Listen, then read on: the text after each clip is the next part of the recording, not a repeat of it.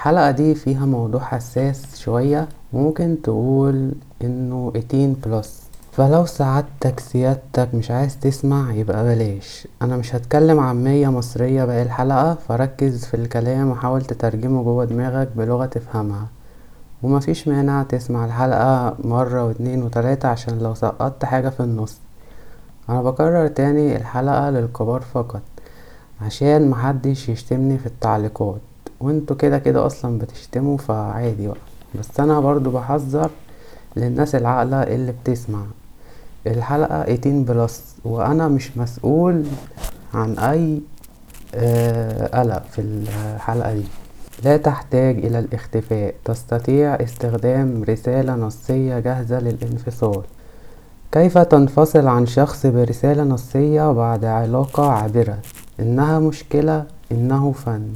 رحلة في متاهة نفسيتك المحطمة. هيا بنا نبدأ الحلقة الثامنة من الموسم الثالث لبودكاست العصفورة.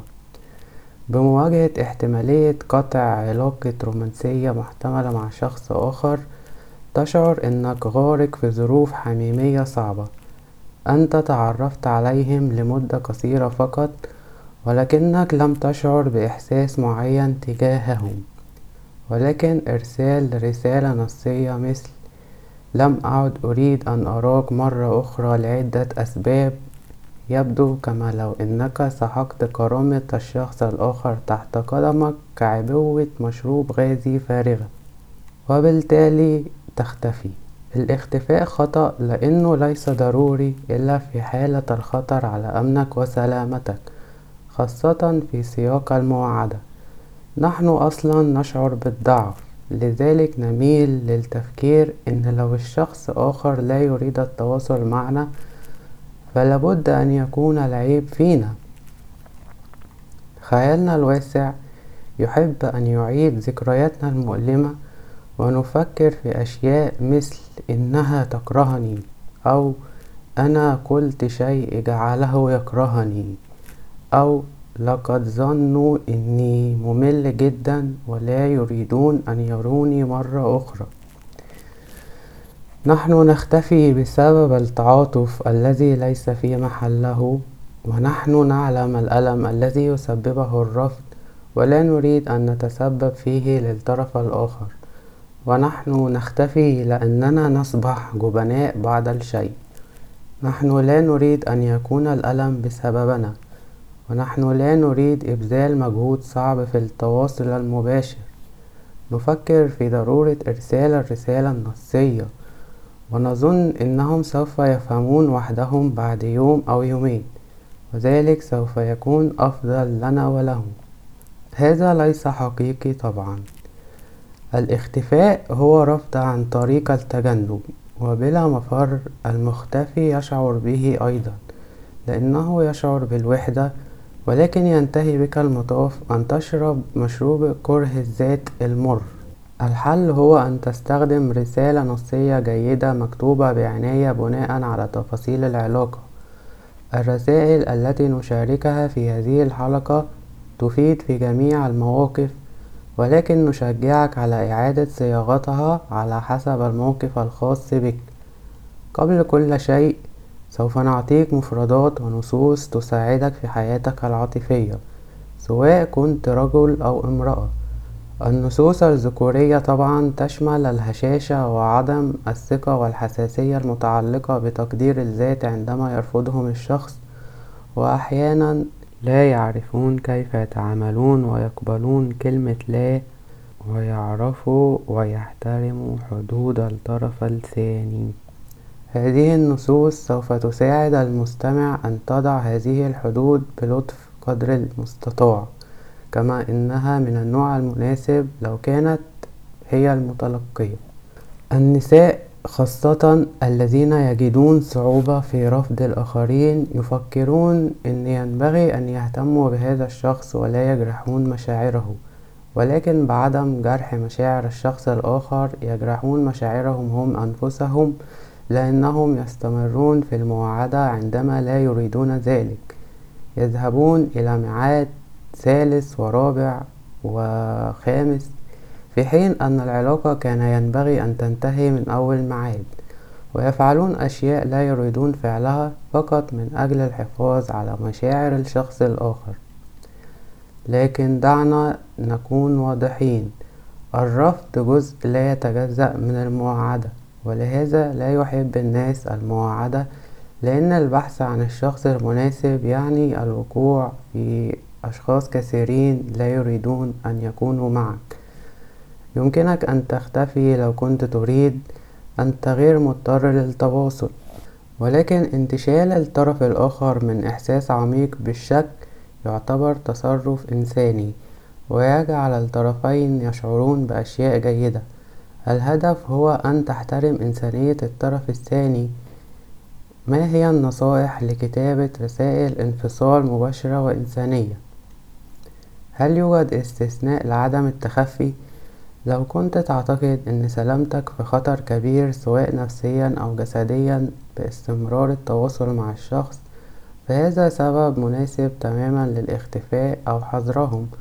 ولكن لو ليس هذا هو الموقف وأنت فقط لا تريد الاستمرار ببساطة بسبب عدم وجود أشياء مشتركة أو صلة عاطفية فإنها مسؤوليتك كإنسان أن تقول للإنسان الآخر بعطف ولكن بوضوح أظن أن هذه العلاقة لن تنجح بيننا. متى ينبغي أن تفعلها في مكالمة أو في الحياة الحقيقية؟ يعتمد ذلك على درجة الحميمية التي تشاركها مع الشخص والحميمية لا تعني الجنس بقدر ما تعني الإحساس بالارتباط. القاعدة الذهبية هي أن تسأل نفسك هل سوف أشعر بالإحراج لو تم رفضي أنا شخصيا برسالة نصية؟ لو قررت أن الانفصال عن الشخص في حضوره أكثر ملائمة فها هي الخطوات. ارسل رسالة نصية واكتب مرحبا.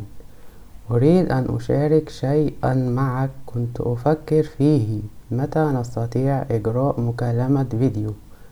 أو متى يمكننا اللقاء لشرب كوب القهوة؟ لو كان ردهم ما هو الموضوع يمكنك أن تقول أفضل أن أقول لك شخصيا. ربما يرد الشخص هيا بنا نفعلها من خلال الرسائل النصية. يمكنك أن تقول لم أريد أن أفعلها عن طريق الرسائل النصية لأنني أعتقد أنني مدان لك بالنظر في عينيك عندما أشارك هذا معك. ولكن هذه العلاقة غير مناسبة لي بعد الآن. ومع ذلك حتى لو حصلتم على عشر مواعيد من قبل ولكنك لا تشعر بالأمان ارسلها عن طريق الرسائل النصية. كيف أكتب الرسالة النصية؟ المحترفون يرشحون صيغة المجاملة المغلفة. أهلا الاسم هذا هو ما أعجبني فيك. زائد هذا هو الشيء الذي أعتقد أنه مفقود أو الشيء الذي أعتقد أننا لم نتفق عليه. زائد أتمنى لك الأفضل لأنك شخص رائع. لو كنت تكتب رسالة نصية بعد أول موعد ربما تكون كالآتي. مرحبا محمد. لقد كانت تجربة سعيدة لمقابلتك شخصيا أخيرا. لا أعتقد أن لدينا أمور مشتركة تحافظ على استمرار علاقتنا ولكنني كنت سعيد بمقابلتك وأتمنى لك كل خير. حظ أوفر في الفرصة التالية. أنت كتبت عن الجيد والسيء والجيد ثم ضغطت على زر الإرسال. ولكن إذا توعدتم ثلاث مرات أو أكثر ربما تريد أن تقدم بعض التفاصيل في محتوى المجاملة المغلفة. أنا لم أدرك أنك تدخن السجائر وهذا شيء مضاد لمعتقداتي عن الصحة. أو أنا لم أدرك أنك لم تنس حبيبك السابق تماما حتى الآن.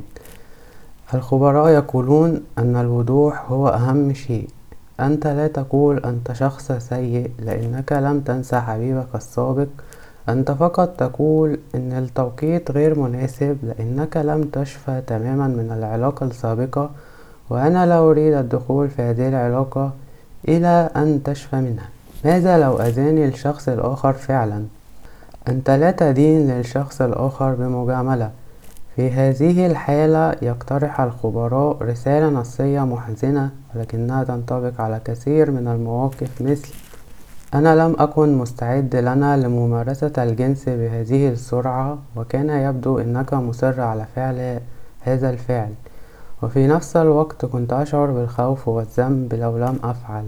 ولكن الآن أنا أدرك أنني غير مرتاح مع شخص غير مستعد فعلا لإعطائي اختيار آخر الذي ربما يكون بالرفض. ويقترح الخبراء اختيار واضح آخر مثل أنا فعلا معجب بك ولكنني أخبرتك أنني لا أريد فعل هذا السلوك في السرير ولقد حدث بالفعل وأنا أشعر أن الحدود التي وضعتها لنفسي تم كسرها وهذا أغضبني جدا. لن أراك بعد اليوم.